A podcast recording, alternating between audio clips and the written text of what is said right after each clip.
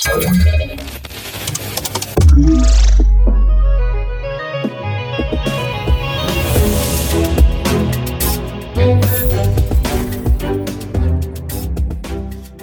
dobry, tutaj Kamil Gapiński, podcast Cyber Cyber Raport, odcinek 259. Zapraszamy do wysłuchania tematów, nowości w zakresie cyberbezpieczeństwa, a dzisiaj mamy następujące zagadnienia.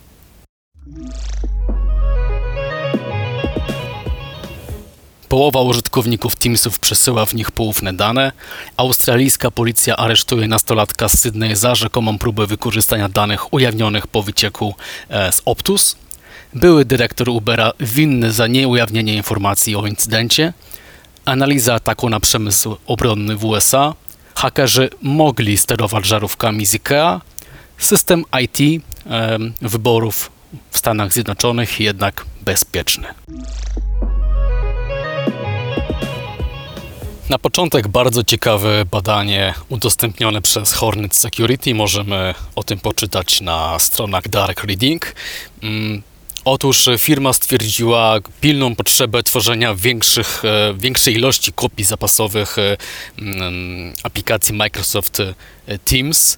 Ponadto według badań prawie połowa użytkowników, 45%, często wysyła poufne i krytyczne informacje za pośrednictwem tej właśnie e, platformy.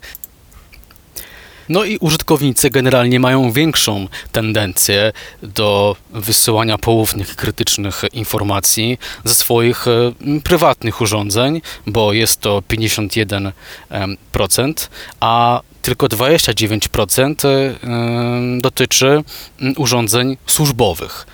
Ważne jest y, y, też to, że 88% respondentów w jakikolwiek sposób zostało przeszkolonych z platformy, z bezpiecznej komunikacji, takiej cyberhigieny mm, pracy zdalnej. Niezbyt często w naszych cyber-cyber raportach mówimy o Australii, ale ciekawy news.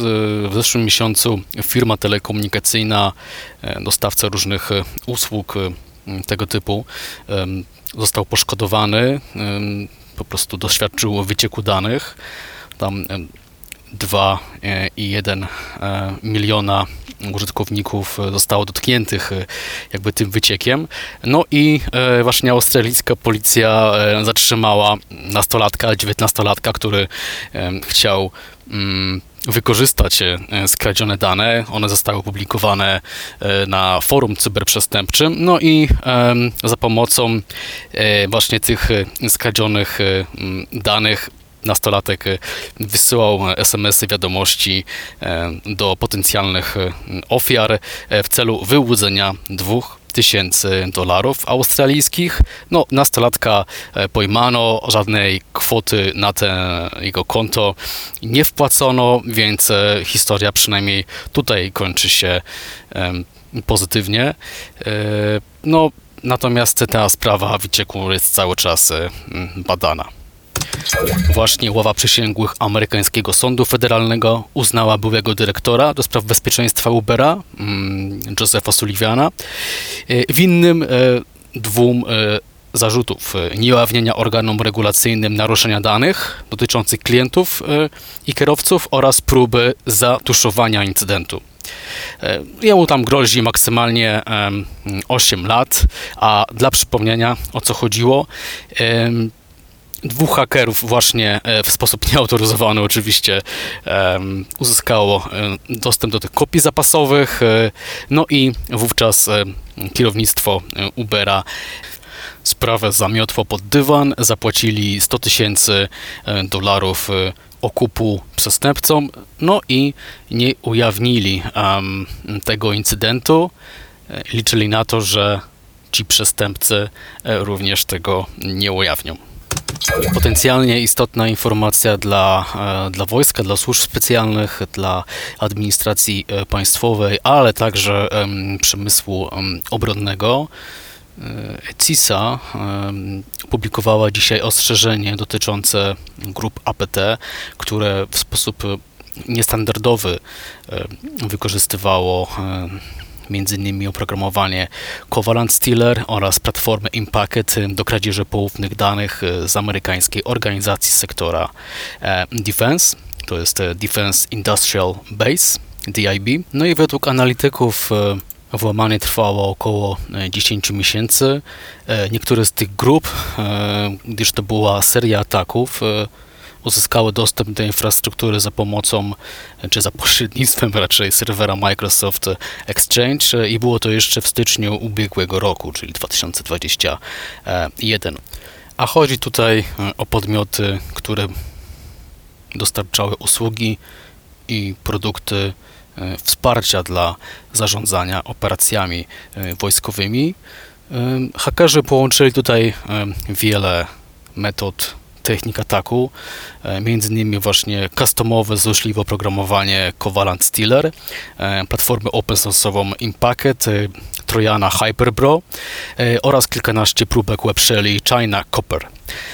Eksploitacja miała dotyczyć wielu luk w zabezpieczeniach serwera Exchange'a, e, serwer Proxy Logon. E, no i to było mniej więcej w czasie, gdy firma właśnie e, wydawała awaryjną aktualizację zabezpieczeń, które miała naprawić. No i tutaj szczegóły odnośnie tych konkretnych CVE możecie znaleźć na łamach Blipping Computer. Jeszcze raz przestrzegamy tutaj infrastrukturę krytyczną i infrastrukturę przemysłu obronnego. No i tutaj taka ciekawa informacja jeszcze e, z Dark Reading. Wygląda na to, że hakerzy e, mogli e, kontrolować jasność, chyba to jest właściwe określenie, jasność żarówek, specyficznych żarówek produkowanych czy dostępnych w, w ofercie IKEA. Kontrolować w sensie mogli te smart żarówki e, nastawić tak, że ta jasność była na poziomie 100%, e, no i nie mogła być zmniejszona przez urządzenie sterujące czy poprzez aplikację. Ta podatność, która to umożliwiała, została już e, załatana, ale w zasadzie to atak polegał na tym, że wystarczyło wykonać złośliwą e, sekwencję e, komunikatów w ramach tego frameworku Zigbee. No i co jeszcze wystarczyło? Zasięg Wi-Fi odpowiedni. E, czasem w naszych podcastach, nie tylko raportach e, CyberCyber, mówimy o analizie ryzyka, e, no i FBI oraz CISA zrobiły taką analizę ryzyka w kontekście E, hakowania systemu wyborczego. Chciałbym tu podkreślić, że chodzi o sprawy teleinformatyczne, a nie psychologiczne czy informacyjne wpływanie na wynik wyborów. No i e, uznali, że wszelkie masowe ingerencje czy masowe skutki takich ingerencji no, są mało prawdopodobne. Natomiast e, tutaj ciekawa jest mm, sprawa, że udostępniono jednocześnie rekomendacje, jak się zabezpieczyć przed e, taką mm, ingerencją czy innego rodzaju nadużyciem, ale z punktu widzenia użytkownika, czyli głosującego. To wszystkie informacje w dzisiejszym wydaniu Cyber, Cyber Raport. Zapraszamy jutro na kolejny podcast. Za mikrofonem Kamil Gapiński. Bądźcie cyberbezpieczni. Do usłyszenia. Cześć.